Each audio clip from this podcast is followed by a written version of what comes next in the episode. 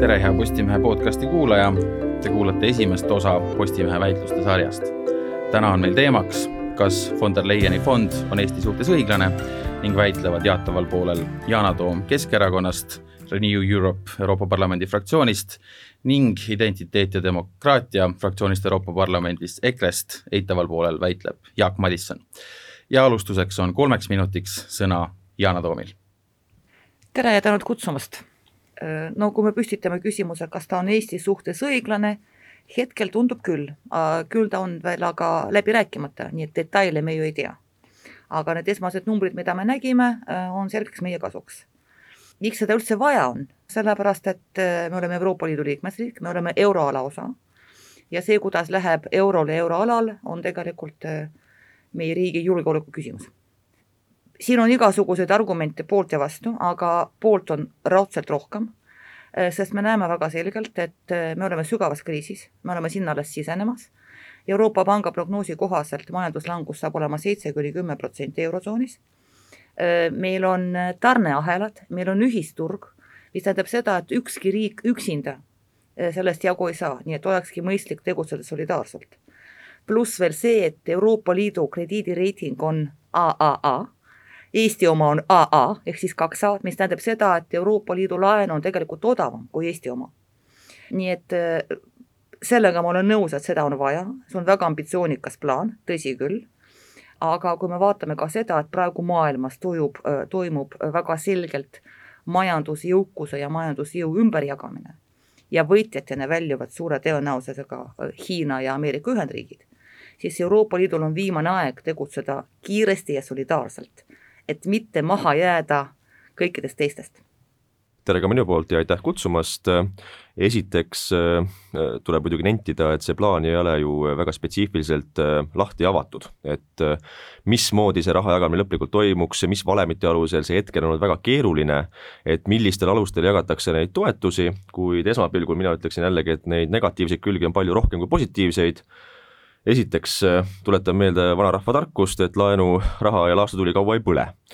ja sellega kaua edasi ei lenda, see tähendab seda, et plaan seitsesada viiskümmend miljardit äh, nüüd äh, kulutada selle nii-öelda uue põlvkonna hüppeks, nagu väitis Ursula von der Leyen, on ääretult nõrkadel jalgadel, esiteks laenata viissada miljardit eurot Euroopa Liidus ühiselt on esmakordne pretsedent, seda pole mitte kunagi varem tehtud ja see tekitab juba ka õiguslikke probleeme. kas selleks on olemas mandaat, kas see on legitiimne, arvestades kõikide liikmesriikide mandaati, millega on liitunud Euroopa Liiduga, siin me muidugi ei pea rääkima Saksamaastki, kes pole kunagi referendumit korraldanudki, et kui, kui nad panid alguse Euroopa Liidule, kuid Eestil on see mandaat olemas ja siin tuleb ka meil kaaluda, et kas see on nendes piirides või see läheb juba nendest piiridest välja ma siin tuletaksin meelde, et aastal kaks tuhat kaksteist juulis äh, menetles Riigikohus äh, ühte kohtukaasust, mis tulenes Euroopa stabiilsusmehhanismist ja Eesti liitumist sellega.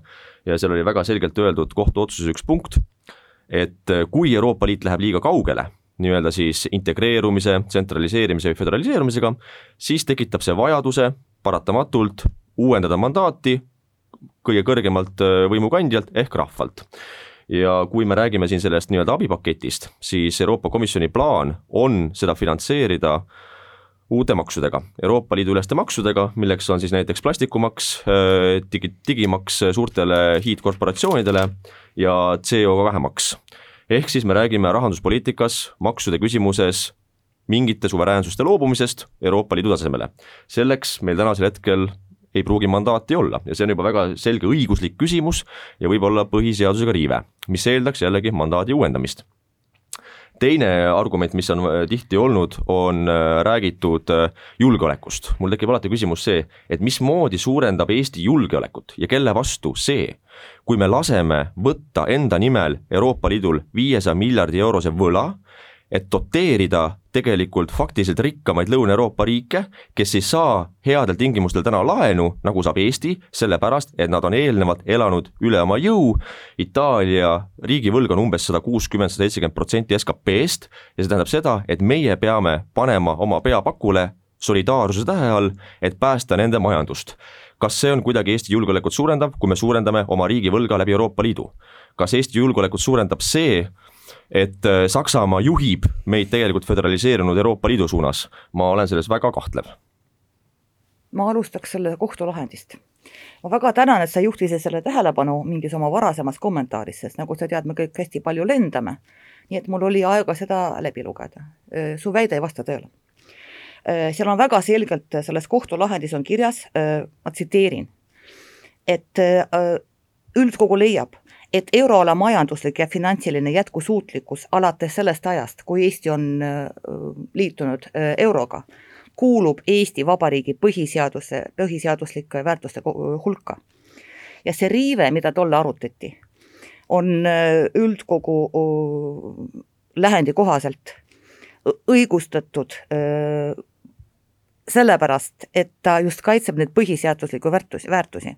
pluss veel siis me rääkisime stabiilsusmehhanismist või pigem sellest ühest punktist, mis oli paragrahv neli punkt neli, kus jutt oli sellest, et äh, loobuti konsensuse nõudest äh, siis, kui oli vaja hästi kiiresti kedagi toetada. aga siis Soome Vabariik andis sisse ettepaneku, mida ka arvestati, et see üldsumma äh, selle stabiilsusmehhanismi üldsumma vajab ikkagi kõikide riikide konsensust ja sellega oldi igati rahul.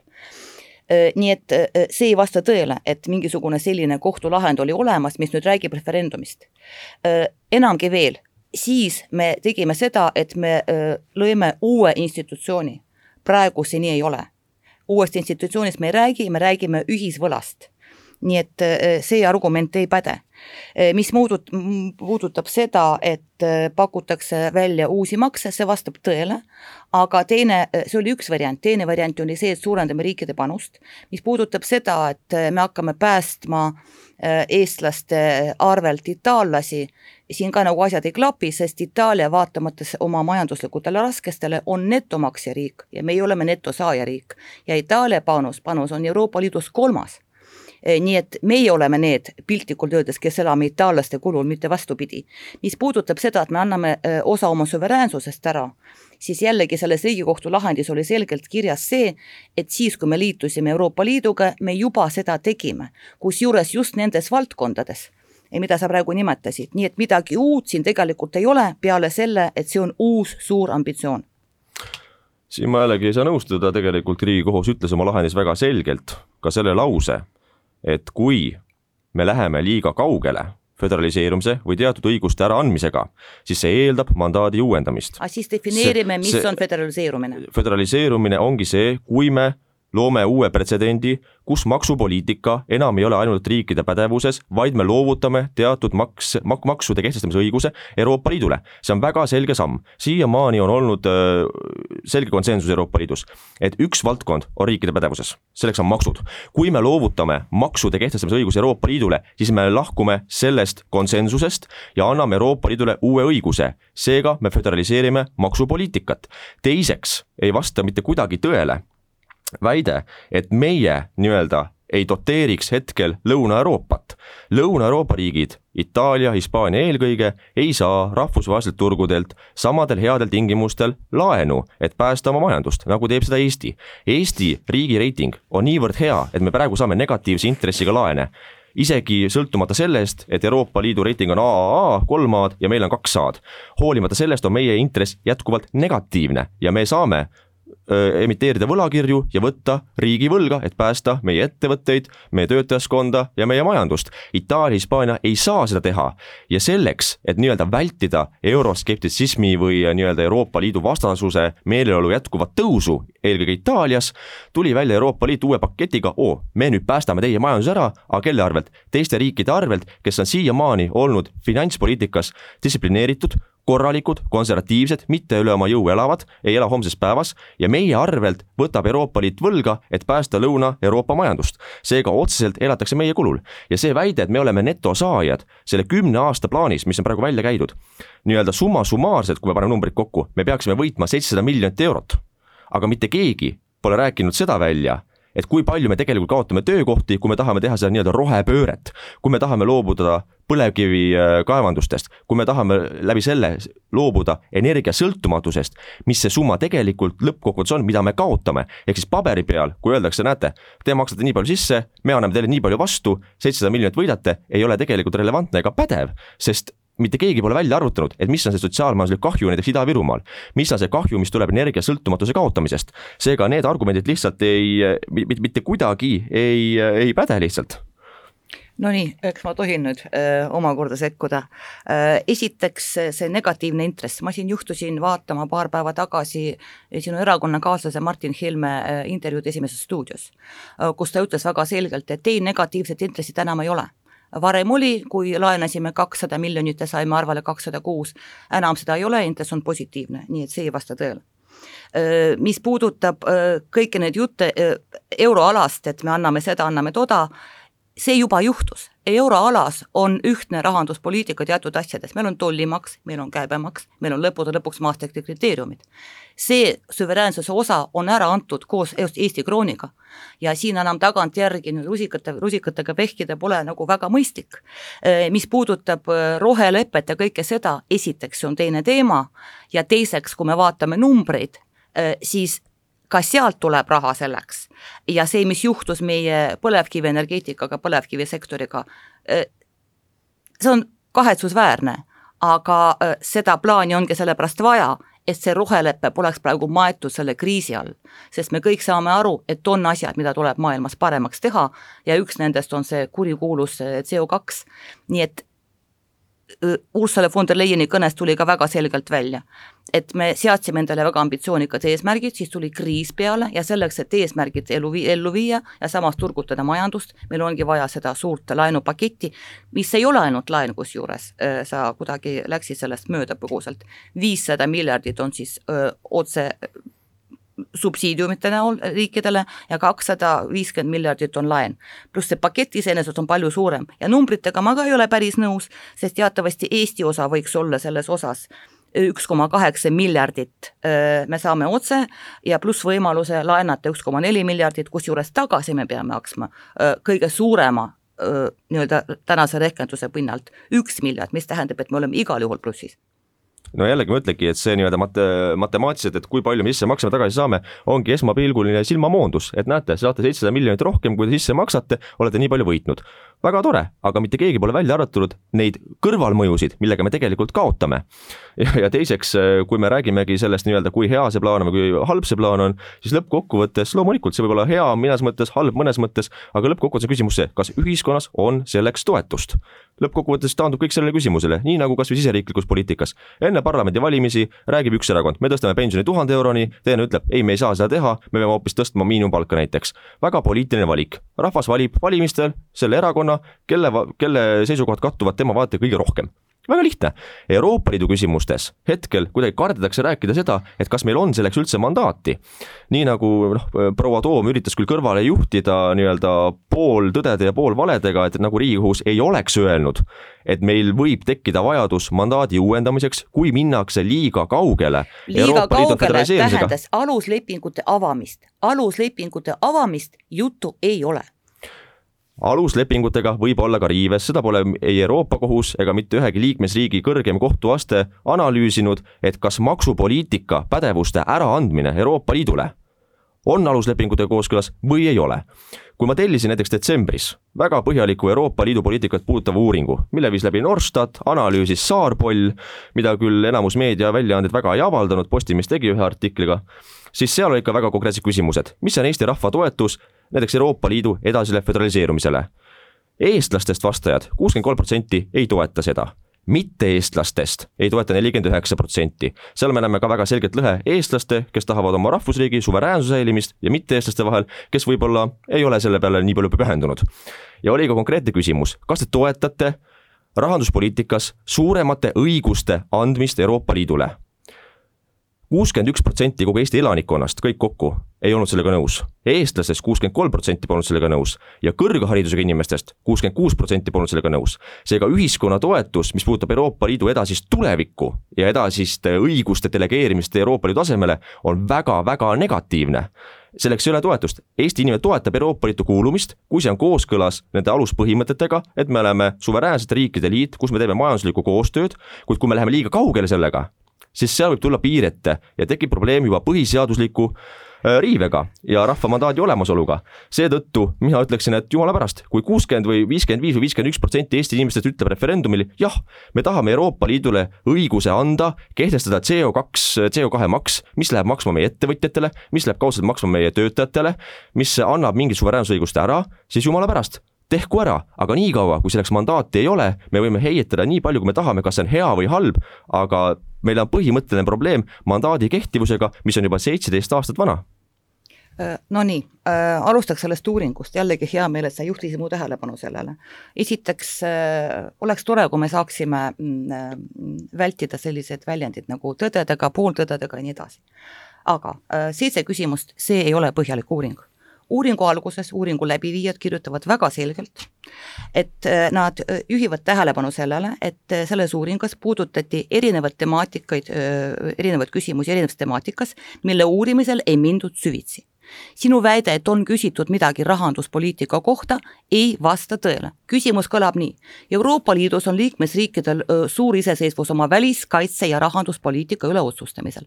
samas on Euroopa Liidu juhtkonnal ja liikmesriikidel olnud arutusel, et need poliitikud võiksid olla ühised. Öelge palun, kuivõrd te toetate või ei toeta, need poliitikavaldkonnad oleksid Euroopa Liidu, mitte liikmesriikide äh, endi alluvuses. see tähendab seda, et su uuringus oli kolm valdkonna ühisküsimuses. ja praegu väita, et selles ühis, et see, et see üks osa oli just see, mis määras tulemuse, seda sa lihtsalt ei saa teha pluss veel see, et kui sul on uuring seitsmest küsimusest, sa pead inimestele lahti selgitama, mida sa silmas konkreetselt pead. sul on siin natukene puder ja kapsas. välis, kaitse ja rahanduspoliitika. välispoliitika on Euroopa Liidul ühtne, see on meditsiiniline fakt. kaitsepoliitika, me oleme NATO liikmesriik, see on meditsiiniline fakt ja rahanduspoliitika osas, nagu ma juba ütlesin, meil on Maastrichti kriteeriumid ja euroala. Ja meil on Euroopa Keskpank ja see on ka meditsiiniline fakt. nii et kui sa selliseid asju niimoodi ümmarguselt küsid, siis see vastus, mille sa, mille sa sealt saad, tegelikult äh, statistika koha pealt ei ole väga mm, kuidas ma nüüd ütlen, vettpidav. Ja see on vist põhjus, miks seda uuringut peale Jaak Madisoni kodulehekülge ja Uusi uudiseid mitte keegi ei avaldanud no jälle me kuulsimegi pooltõdesid, poolvalesid. Yana Toom väitis, et seda uuringut avaldati ainult minu kodulehel ja Uutes Uudistes. ei, see avaldati ka Postimehes. Äh, teiseks on pudru ja kapsad kokkusegamine, et kaitsepoliitika on meil nagunii NATO-s ühtne. NATO ja Euroopa Liit on kaks täiesti erinevat maailma ja seetõttu rääkida Eesti julgeoleku suurendamisest, kui me anname suuremaid pädevusi ja ka finantspoliitikas õigusi ära Euroopa Liidule, on lihtsalt hämamine. Eesti kaitsepoliitika rajaneb ja selle vundament on NATO ühtsus mitte Euroopa Liidu ühtne rahanduspoliitika. teiseks on väga selge hämamine see, et nagu ei annaks kolme küsimuse küsimine ühes küsimuses õiget indikatsiooni. indikatsioon, mis me saime, oli väga selgelt see, Eesti elanike enamus, eelkõige eestlastest enamus ei toeta suurte poliitikavaldkondade delegeerimist Euroopa Liidule. välispoliitika, nagu väitis Yana Toom, pidavat olema juba niigi ühtne tegelikult siiski õnneks on veel riike, kes oma välispoliitikas tahavad säilitada suveräänsust ja teevad ka nii-öelda omaette samme ja vaatavad mööda Euroopa Liidu unistusest, nagu räägitaks äh, Eesti, Ungari, Poola või Hispaania nimel läbi Euroopa Komisjonis või Euroopa Liidu kõrge välisesindaja, õnneks. kaitsepoliitikas on väga tugev surve selle ühtlustamiseks, millele me loodame, me seisame vastu. ja kui on küsimus selles, et kas see on relevantne või mitte, see uuring, siis ma ütleksingi, palun väga, paneme referendumile, paneme küsimuse, kas toetate maksupoliitikas suuremate õiguste delegeerimist Euroopa Liidule või mitte. ja ma, kui ennem ütlesin, kui enamus ütleb, et on sellega nõus, pole mul midagi öelda, demokraatia võit, kuid siiamaani on kuidagi Euroopa Liit väga kartnud nii-öelda päris otse demokraatiat, et demokraatia on siis relevantne, kui tulevad meeldivad tulemused, aga kui tuleb ebameeldiv tulemus Euroopa Liidu jaoks, siis on see justkui populism ja paremäärmuslus, nagu juhtus nende jaoks Suurbritannias, mis oli puhas demokraatia võit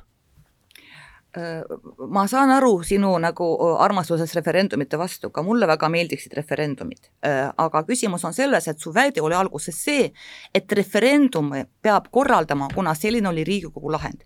nii see ei olnud, see on Jaak Madisoni soov. Äh, mis puudutab NATO-t, ma olen sinuga nõus, aga fakt on see, et selles osas me suveräänsed ikka ei ole. teise liidu raames küll, aga ikka ei ole nii et me oleme need oma suveräänsused ära andnud osaliselt, liitudes Euroopa Liiduga ja see on väga selgelt äh, Euroopa Liiduga rahalist, ma mõtlen, ja välispoliitikat. see on ka aluslepingutes sees, sest teatavasti on olemas selline asi nagu subsidiaarsuse põhimõte, mille kohaselt iga liikmesriik saab otsustada ise teatud poliitikaid, aga nende poliitikate hulka kuuluvad teised asjad, mitte need, mida sa praegu siin kirglikult kaitsid. nii et ja tulgem tagasi ikkagi selle nagu teema juurde. Mina väidan endiselt, et see asi on Eestile hea ja soodne. Ja mis puudutab julgeolekut, julgeolek on ka see, kui, kui meil on jõukas heaoluriik, see on ka julgeolek, sest inimesel on kaitsetahe siis, kui tal on, mida kaitsta. see on nagu aluspõhimõte ja kui on, mida kaitsta, siis ongi nagu parem elada. ja lõpeta palun, ole hea, selle nagu mainimise, eestlased mõtlevad nii, venelased mõtlevad naa. see pole praegu õige koht selleks, sedasorti arvete klaarimiseks nagu päriselt.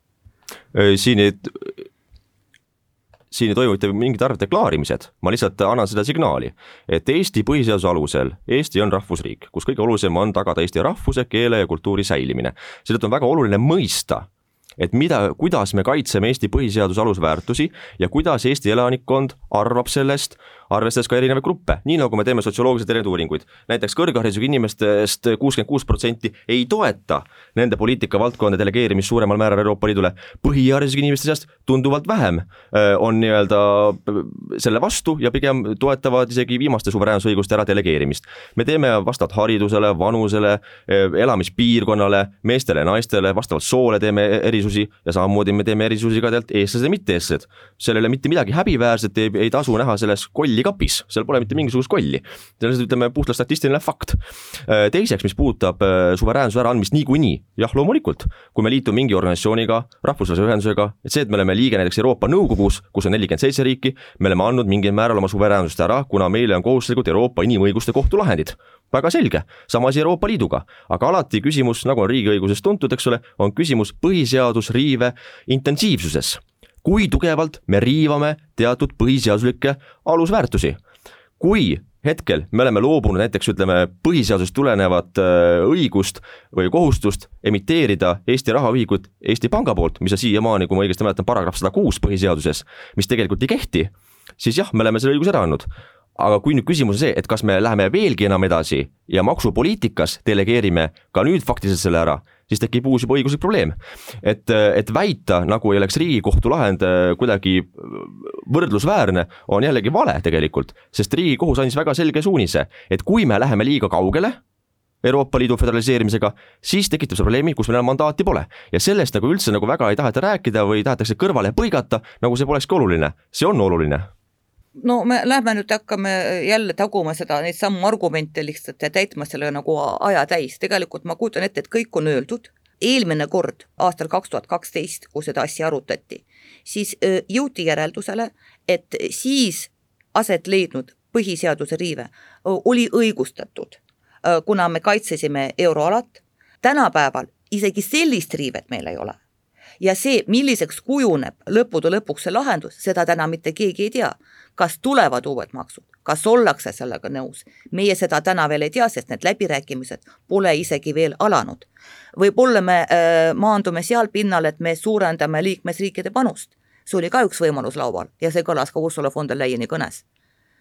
Nii et täna väita, et mingisugune otsus on kuskil kinniste uste taga tehtud ja nüüd Jaak Madisson selle vastu võitleb, no see lihtsalt ei vasta tõele, sest otsust ju veel ei ole praegu me räägime sellest, kas meile üldse sobib see, et Euroopa Liit lahendab seda probleemi solidaarselt sest me kõik nägime kriisi alguses, kuidas kõik karjusid, et ah, äh, nad jätsid üksinda Itaalia kriisiga, nad jätsid üksinda Hispaania kriisiga, ma pole piisavalt solidaarselt. väga naljakas on seejuures see, et just need inimesed, kes karjusid, et Euroopa Liit ei käitu solidaarselt, nüüd on selle vastu, et Euroopa Liit käituks solidaarselt. siin on nagu teatud vastuolu ja olgem ausad, äh, kui sa seda asja analüüsid ja vaatad, siis sa ei lähtu sellest, mida sa loed, mis on paberil, sa lähtud, lähtud oma poliitilistest veendumustest ja see on hoopis teine asi no ma tuletan meelde, et ka Yana Toom lähtub oma poliitilistest veendumustest, Yana Toom on ju mitmetes kordades oma valimisdebattides ja intervjuus öelnud, et tema on uhkelt föderalist. see on poliitiline veendumus, ilmselgelt meie isiklik veendumus ja maailmavaade paneb paika ka selle lähtekoha, et mida me kaitseme või mille poolt me ei ole. Euro Yana Toom on selle poolt, et äh, Euroopa Liit oleks föderaalne ühendus ja mina ütlengi, et siin on meil põhiseaduslik probleem. et kui enamus Eesti inimesi on sellega poolt, et Yana Toom et, nagu tahab, et me oleksime föderaalne Euroopa Liit ja kui see referendumil antakse mandaat sellega, siis pole mul enam midagi siin ütleme nii-öelda väga kobiseda või äh, vinguda. aga niikaua, kui seda mandaati pole, siis jah, me võitlemegi poliitiliselt, ütleme, kas me oleme selle poolt või vastu. hetkel Euroopa Komisjon on selle äh, ettepanekuga välja tulnud ja me ju väitleme selle üle, et kas see oleks Eestile kasulik või mitte konkreetselt see ettepanek, millega välja tuldi, ei ole kasulik Eesti jaoks, kuna see ei suurenda Eesti julgeolekut, kui me võtame endale uue laenukoormuse läbi Euroopa Liidu kui me delegeerime maksupoliitikas suuremalt õigusi ära Euroopa Liidule, see ei suurenda mitte kuidagi Eesti julgeolekut, sest äh, Riigikohus, kui ta menetles stabiilsusmehhanismiga liitumist, oli vaidluse all see, kas me võtame endale kohustuseks umbes ühe koma kolme miljardi eurose suuruse käenduse. täna me räägime umbes ühe miljardi suurusest vastutusest selle võla võtmisel, suurusjärk on sama ja küsimus lõppkokkuvõttes ei olegi oluline see, kas on üks miljard, üks koma üks või null koma üheksa miljardit, küsimus on väga printsipiaalne, põhimõtteline. kas see on kooskõlas Eesti põhiseaduslike alustega, nende väärtustega ja kas selleks on olemas ühiskonna toetus? meie poliitikutena võime tahta mida iganes, kuid kui selleks ei ole mandaati ega volitust, kõrgema võimu kandjalt ehk rahvalt, siis noh, me võime kas või pea peal käia, aga me seda teha ei saa. seega minu, minu, minu sõnum ongi see, et äh, ideoloogiliselt võime tahta mida tahes, kuid küsimus selles, et kas meil on selleks olemas legitiimne mandaat rahvalt, kes on meid üldse valinud ka Euroopa Parlamenti see vastab tõele, et Yana Toom on föderalist, ma olen seda igal pool ka öelnud. aga see ei tähenda, et absoluutselt kõik, mida teeb Yana Toom, toetab Euroopa föderaliseerimist hommikul jõin kaks tassi latte kohvi, mulle meeldib latte kohvi, aga usu mind, see mitte kuidagi ei viinud meid lähemale föderaalsele Euroopale. see, see on üks asi. E, teine asi on see, et e, sa väidad, et see ei ole kooskõlas e, Eesti riigi huvidega, julgeolekuhuvidega ja nii edasi. mis on natuke imelik, kas see siis tähendab seda, et Euroopa Liidu majanduse päästmine, ühisturu päästmine on kuidagi vastuolus Eesti riigi huvidega? Ma väidan seda, et ei ole. ja sellesamas Riigikohtu lahendis, mida, millest me siin alustasime, oli väga selgelt öeldud, et siis, kui aastal kaks tuhat kolm oli referendum ja me otsustasime, et me liitume Euroopa äh, Liiduga, teie otsustasite. mul oli siis Vene kodakondsus, aga mul on väga hea meel, et te niimoodi otsustasite. Äh, et siis me võtsime endale teatud kohustused ja kohustused äh, ka selles osas, et me tuleme kaasa Euroopa integratsiooniga selle hetkeni, kuni ei avata aluslepinguid. Mina oleksin selle poolt, et nad oleksid avatud, aga seda praegu laual ei ole. ja ei tasu üle dramatiseerida, et ühislaen kuidagi avab aluslepinguid. ei ava, ma ütlen paraku ei ava, sina ütled õnneks ei ava, aga see, et ta ava, on meditsiiniline fakt noh, meditsiin, meditsiiniline fakt on ka see, et kahe tuhande kolmandal aastal, kui toimus referendum, ei arutletud mitte kuidagi Lissaboni lepingu üle, mis jõustus kaks tuhat üheksa. ehk viis aastat peale Eesti juba ühinemist Euroopa Liiduga, seega vahepeal toimus juba aluslepingute üle väitlus ja uue heakskiitmine, seega ka see on meditsiiniline fakt. jah, nõus, nõus. Ja sul ei ole sellele protsessile mingeid etteheiteid, on ju protsessile loomulikult etteheide see, et me läheme liiga kaugele sellega. fakt on see, et praegu tahetakse delegeerida maksude kehtestamise õigust Euroopa Liidule, mitte, mitte kunagi varem pole olnud. see on meditsiiniline fakt, nagu väidab Yana Toom, et selleks meil täna ei ole mandaati ja pole ka ühiskonna toetust, kui sa loed ilusti minu uuringut no ma tegelikult kordan jälle iseennast, mis hakkab juba natuke ära väsitama. riigikohtu lahendist see välja ei tule sinu uuringust see samuti välja ei tule, sest kui sa küsid selliseid asju inimestelt, kui sa paned kolm väga erinevat poliitikavaldkonna ühte lühikesse küsimusse ja sa ei seleta inimestele, kuidas lood on täna, lähme tänavale ja küsime kümnelt inimeselt, mis on aluslepingutes kirjas, mida võib ja mida ei või teha Euroopa Liit, ma võin kihla vedada, normaalne inimene seda ei tea. Ei tea seda normaalne inimene. Ja kui sa tuled niimoodi küsima, siis sa saad vastuse, mis lihtsalt ei ole pädev nii et kui see arutelu kunagi tuleb Eestis, siis muidugi on pooled poolt ja vastu, siis sina selgitad, mis on aluslepingud ja mina selgitan ja Herman selgitab ja nii edasi ja nii edasi. ja siis võib-olla me saame mingisuguse tulemuse, mis on adekvaatne. on väga keerulisi asju, mida sa seitsme lühikese küsimuse küsim-, küsimuse küsimisega uuringust, sa ei saa sealt seda adekvaatset vastust, see on väga selge. ja jällegi, see kohtulahend, millele sa kogu aeg apelleerib, sealt ei tule välja seda, et antud juhul meil toimub mingisugune põhiseaduse riive ja meil ei ole mandaati. seal seda ei ole olnud, seal olid erinevad eriarvamused, tõsi küll, aga eriarvamus on eriarvamus, täpselt nagu sinu oma praegu